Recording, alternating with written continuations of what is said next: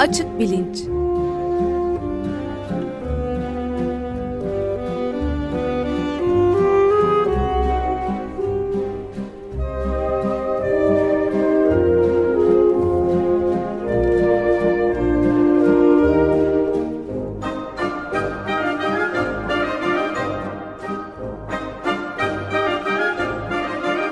Güven Güzeldere ile bilim ve felsefe sohbetleri.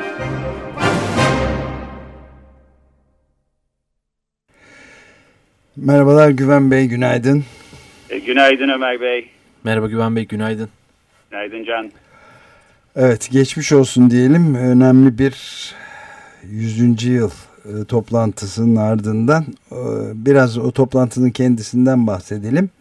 Arkasından da e, oradaki e, ilginç konuşmalardan birinde e, bir üzerinde biraz daha etraflıca durabiliriz belki.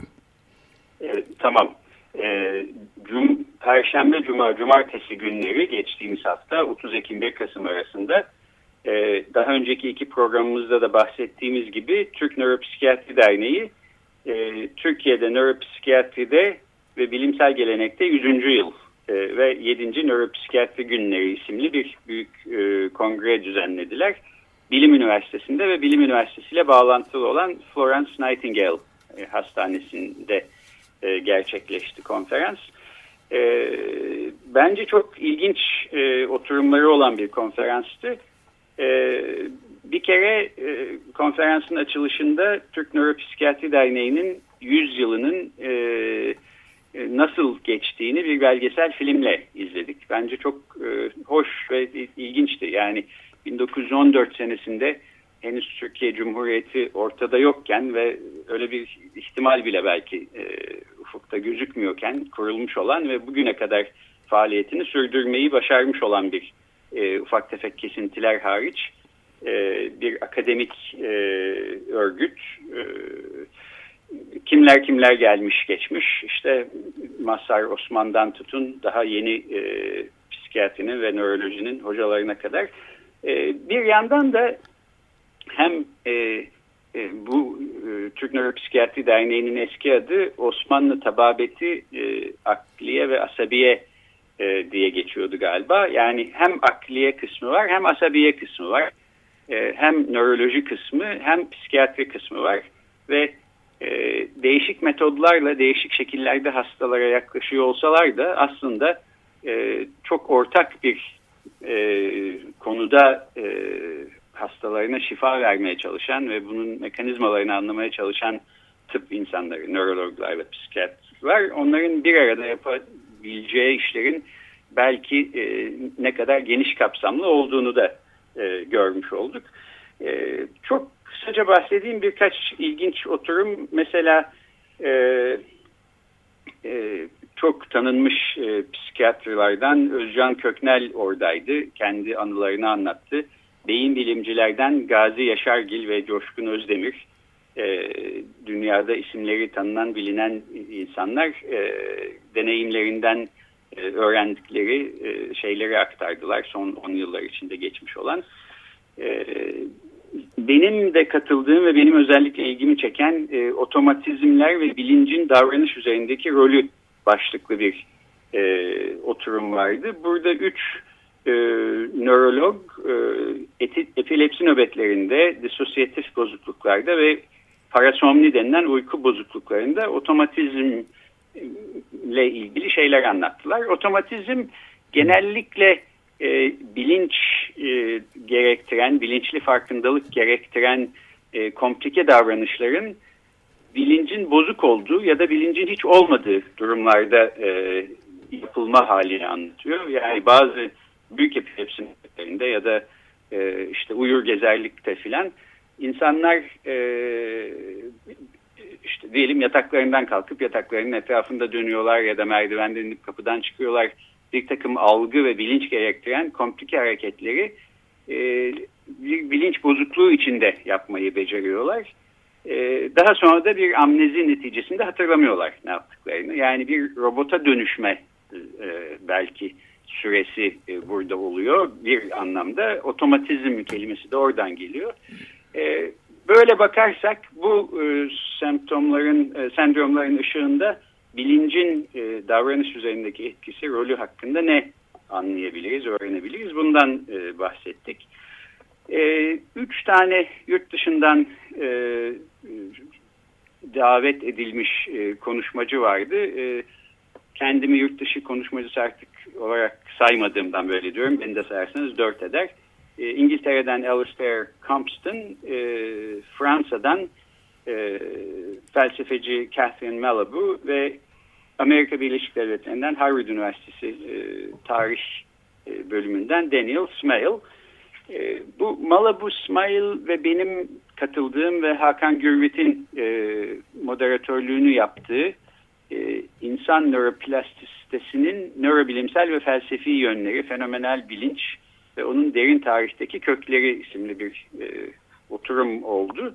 E, bunun dışında Catherine Malibu ile Daniel Smale de e, e, ayrıca Hakan Gürvit de kendi başlarına ayrı konuşmalar sundular. Bir de benim özellikle beğendiğim e, e, Oğuz Tanrıdağ hocanın e, Türkiye'de davranış bilimlerinin, e, davranış beyin ilişkilerinin kısa tarihi üstüne verdiği konuşmaydı. Oğuz Tanrıdağ'ı e, dinleyicilerimizden bilenler mutlaka vardır. vardır. Açık beyin programını e, yapmaktaydı. E, açık Radyo'da kendisini açık bilince e, konuk olarak alıp bu Türkiye'deki davranış beyin ilişkileri ve e, nörobilimin bu konudaki e, yaptıkları, başardıkları ile ilgili belki bir e, programı e, da ayrıca sunarız diye düşündüm. E, Catherine Malabou konuşmasında, kendi başına verdiği konuşmada Freud'dan bahsetti ve yaşam itkisiyle daha sonra Freud'un geç zamanlarında formüle ettiği ölüm itkisini karşılaştırdı. Daniel Smale ise beynin tarihselliği bağlamında istifçilik diye bir konuşma verdi. Bu konuşmada da siz Ömer Bey tartışmacı olarak yer aldınız. Bugün aslında hani açık bilincin kalanında belki bu meseleden biraz bahsedelim diye düşündük. E, evet ama bir siz kendi e, konuşmanızdan da bir iki e, cümleyle bahsederseniz iyi olur konusundan. E, tamam tabii e, pardon ben de e, bu otomatizmler e, oturumunda e, e, otomatizmlere ek olarak nörobilimin çalıştığı başka alanlarda e, bilincin e, davranış üstündeki etkisini biraz tartışmaya çalıştım. E, görsel e, algı çalışmalarında e, yapay e, körlük, dikkate bağlı yapay körlük ve e, kör görü ismini verdiğim e, bir takım e, bozukluklarda neler olduğuna baktığımız zaman e, bilinç olmadan yalnızca bilinç dışı süreçler sayesinde e, komplike davranışlarda bulunabildiğimiz ama bunun sınırları olduğunu görüyoruz. Bu sınırlara baktığımız zaman bilincin e, hangi davranış biçimleri için zaruri olduğunu buradan çıkarsamak mümkün. E, bence bilincin en önemli olduğu konu e, insana davranışta bulunan kişiye o davranışın müsebbibi olduğu hissini e, ve bir faillik farkındalığını vermesi. E, bu sayede aslında gönüllü olarak e, yani refleks olarak değil gönüllü olarak kendi seçtiğimiz davranışları başlatabiliyoruz. Bunları sürdürebiliyoruz. Bunları anlamlı kendimize kılıp devam ettirebiliyoruz. Genel olarak benim o oturumdaki e, ana tezim buydu.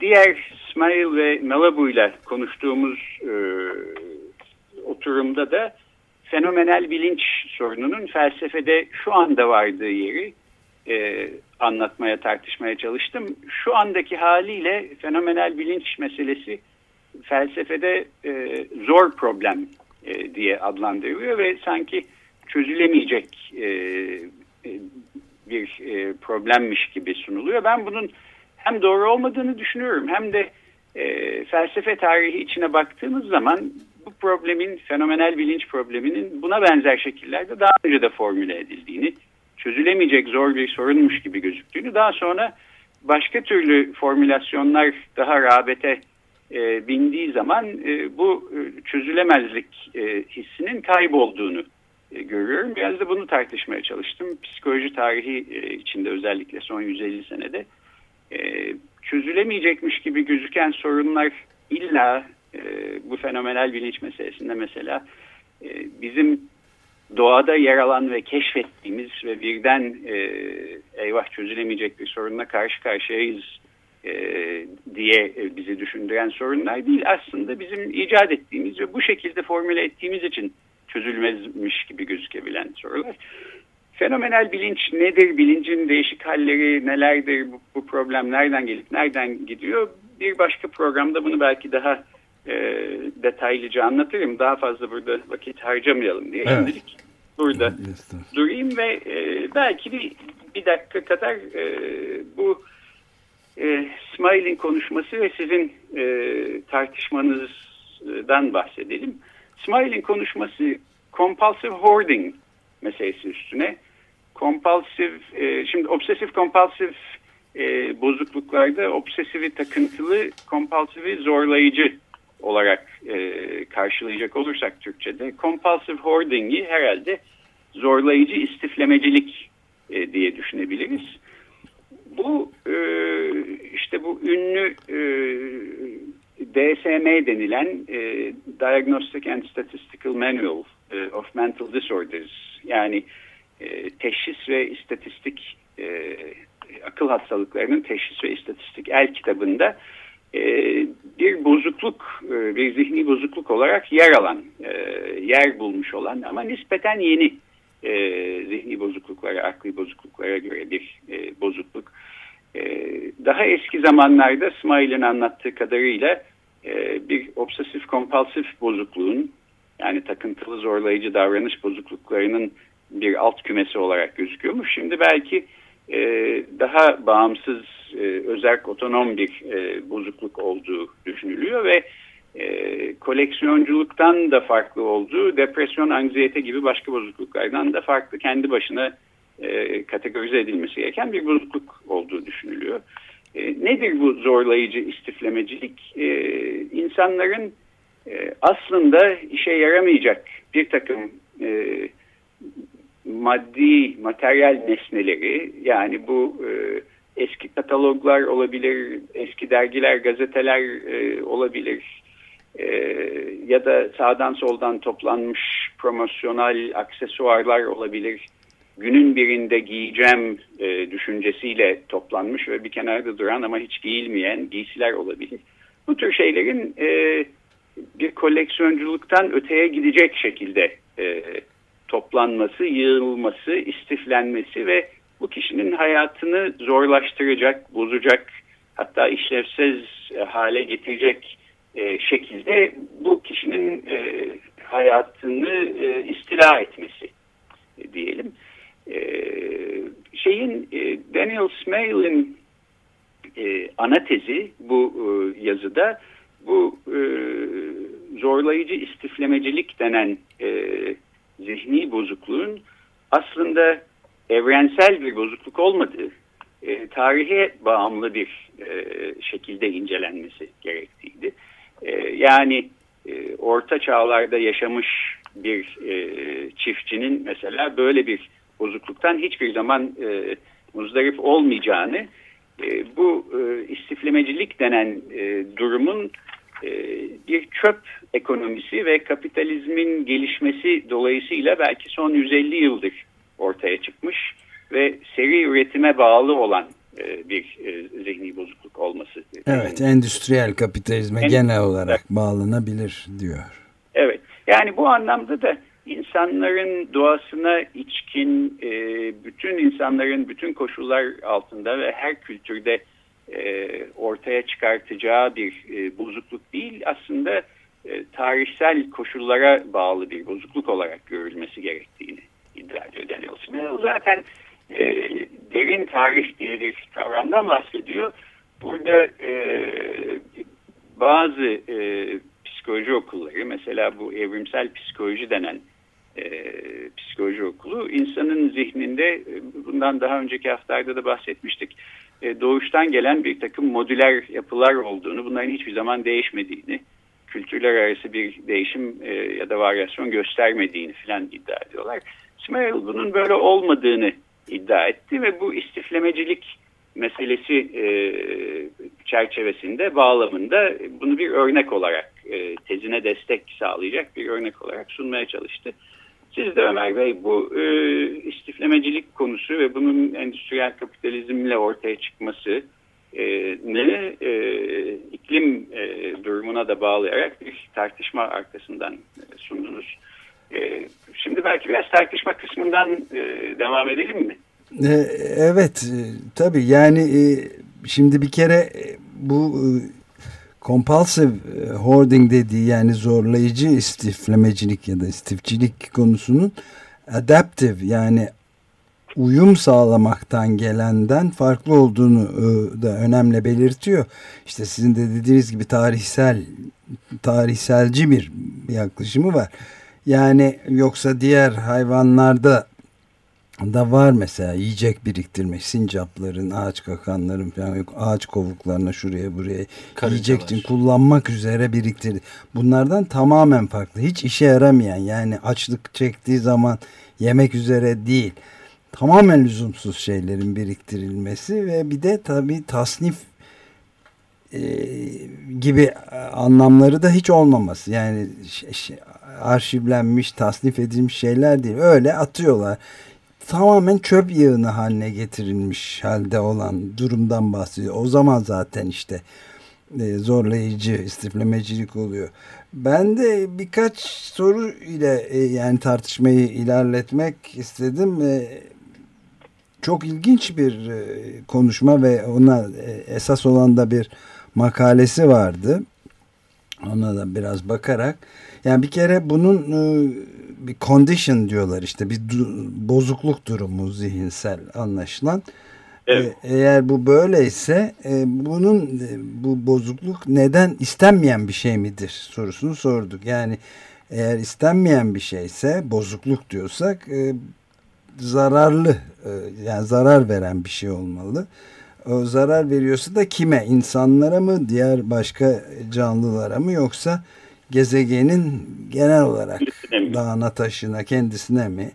Ve kimin için de tabi ters bir soru olarak da kimin için e, arzulanabilir bir o şey olduğu sorulabiliyor. O, o zaman da son zamanlarda özellikle elimize geçen bu muazzam gelir dağılımı adaletsizlikleri gittikçe bütün rekorların kırıldığı durumda da işte 85 insanın sadece 85 insanın bütün dünyanın servetine sahip olması gibi durumlarda böyle bir şeyin izah edilebilir olduğunu görmek mümkün tabi. Onların yani bu sınırsız bir tüketimin getirdiği çöp medeniyetinden e, bazı insanlar da büyük karlar elde ediyor ve etmeye de devam ediyorlar sorusunu sorduk ki kendisi de zaten e, Smile'da benzeri bir görüşte olduğunu sanıyorum söyledi.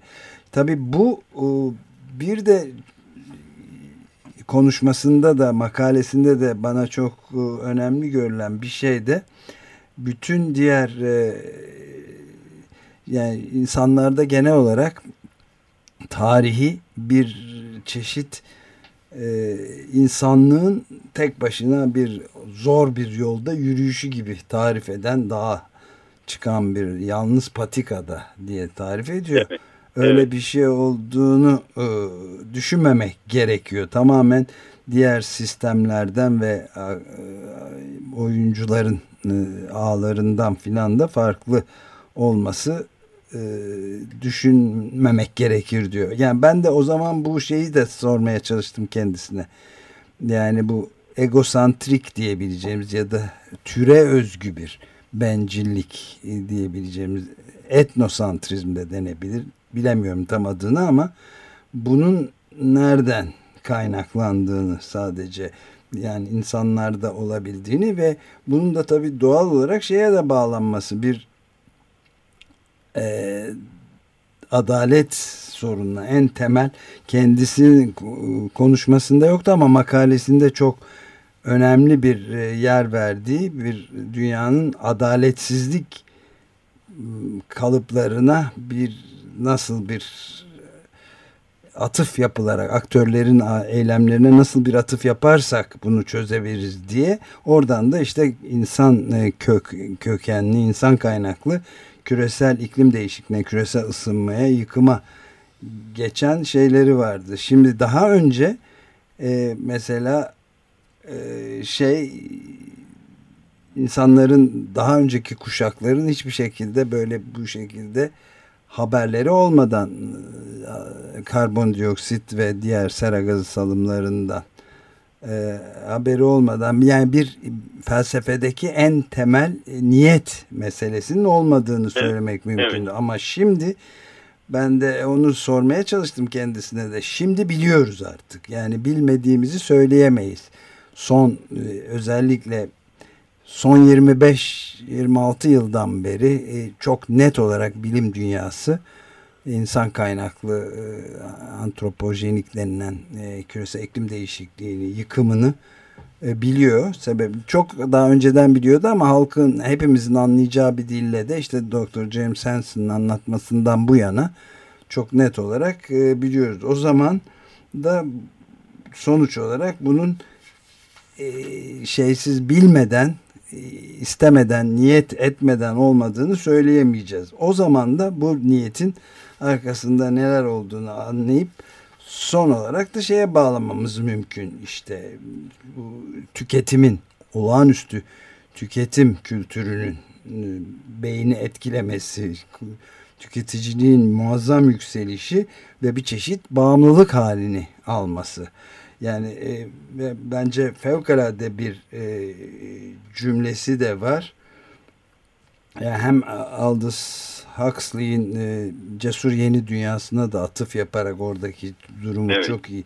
Totaliter bir şeyin e, yani insanların mutlu bir şekilde kendi kimliklerini teslim ettikleri durumda bile totaliterliğin kötü olup olmadığı tartışması var. Bir de Diyor ki yani kapitalizmin en net tanımı olarak da modern küresel kapitalizmin, endüstriyel kapitalizmin şeyi e, nasıl tarifi, bin bir türlü tarifi olabilir ama bence şey diyor e, yani insan beynindeki ödüllendirme sistemlerini e, stimüle eden, kışkırtan evet. bir sistem diyor e, ben bunun çok doğru olduğunu yani şeyle sürekli alışveriş yapmak dopamin neyse işte oradaki hormonlar insana mutluluk veren evet. e, bu hoarding denen yani biriktirmeyle fazla da bir farkı yok bu, bu tip bozulmalara yol açıyor ve işte bunu e, hatta George Monbiot'un son yazılarından birinde dünyadaki bütün omurgalı e, canlıların yarısından fazlası yüzde 52 sadece son 40 yıl içinde süpürülüp gitmişken başta iklim yıkımı olmak üzere ama gene bu avlanmadan aşırı avlanmadan vesaire bunun hala işler iyi gidiyor diye düşünmek e, ancak insan beyninde bir bozuklukla ifade edilebilir. Bunu da sordum. Yani e, genel olarak da çok aydınlatıcı hepimiz için e, ben başta olmak üzere aydınlatıcı cevaplar da getirdiğini düşünüyorum hem konuşmasında hem de makalesinde. Siz ne diyorsunuz? Ee, e, ben de katılıyorum. Üstelik bir tarihçi olarak da istisnai bir iş yapıyor Daniel Smale. Yani yalnızca mesela tarih metinleri ya da tarihsel objelerin bulunduğu arşivlere e, çalışmakla kalmıyor. E, arkeolojiye, paleontolojiye bakarak e, biyolojiden bir şeyler öğrenmeye çalışarak daha genel bir sentez e, ortaya çıkartmaya çalışıyor.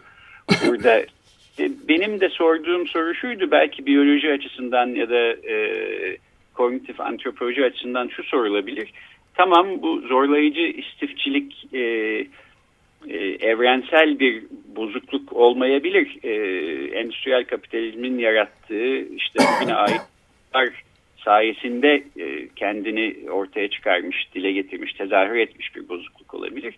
Bunu bir dil, doğal dil analojisiyle belki e, e, yeniden e, incelemek mümkün diye düşündüm. Şöyle, e, mesela e, doğal dili öğrenmemizi sağlayan bir biyolojik mekanizmayla insanlar dünyaya geliyor. Bu açık gözüküyor çünkü hiçbirimiz kendi ana dilini öğrenmek için e, okula gitmek zorunda değil. Başka insanların yanında büyümek, birkaç sene geçirmek bebeklikten itibaren o, o dilsel verilere ekspoze olmak e, yetiyor. Öğreniyor çocuklar e, dili.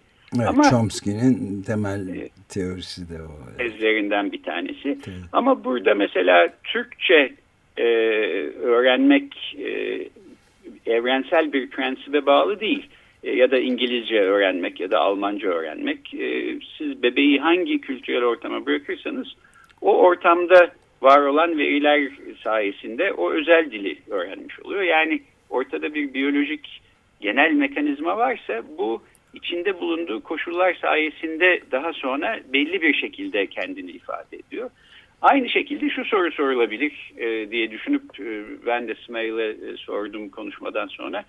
E, biyolojik bir takım e, mekanizmalar olabilir insan e, sinir sisteminde. Bunlar kendilerini endüstriyel kapitalizmin koşulları altında e, bu işte zorlayıcı istifçilik şeklinde e, dile getiriyorlar. E, e, Orta Çağ e, çiftçilerinin e, özellikle çöp çıkartmadan her bir şeyi bir daha bir daha kullanarak e, yaşadıkları dönemde bir istifçilik bozukluğuna e, rastlanmasını e, hiç muhtemel bulmuyorum demişti İsmail. Tamam evet. ama bir biyolojik mekanizma varsa belki bu o koşullarda da başka şekilde kendini dile getiriyor olabilir. Yani aynı mekanizmanın bazen Türkçeyi öğrenmeye, bazen İngilizceyi, bazen Almancayı öğrenmeye yol açması gibi bu mekanizmanın e, zorlayıcı istifçilik yakında ne şekilde kendini acaba dile getirebileceğini ön e, görür diye sordum. Bu, bu, bu da bence ilginç bir soru. Smail de ilginç bir soru olarak buldu fakat e, konuda pek düşünmemiştim. Biraz bu meseleyi kurcalamak lazım dedi. Bu şekilde bu konuda biraz daha konuşmak üzere mutabakatla ayrıldık. Belki İsmail'le bir başka e, ayrıca bir söyleşi yaparız diye umuyorum ve kendisini bu şekilde açık bilince e, önümüzdeki haftalarda e, konuk alabiliriz. Evet çok iyi olur tabii. Peki süreyi de doldurduk bu şekilde. Çok teşekkür ederiz Güven Bey.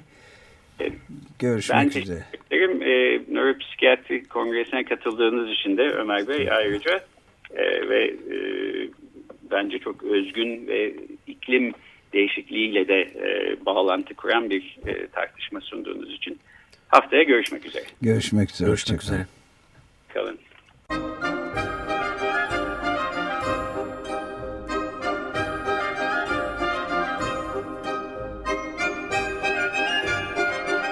Açık Bilinç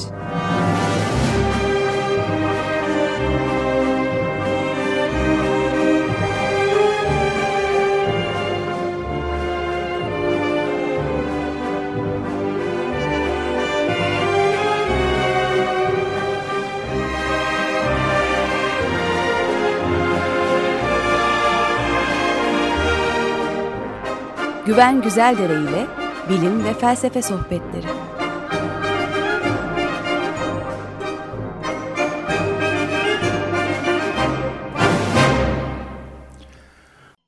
Açık Radyo program destekçisi olun.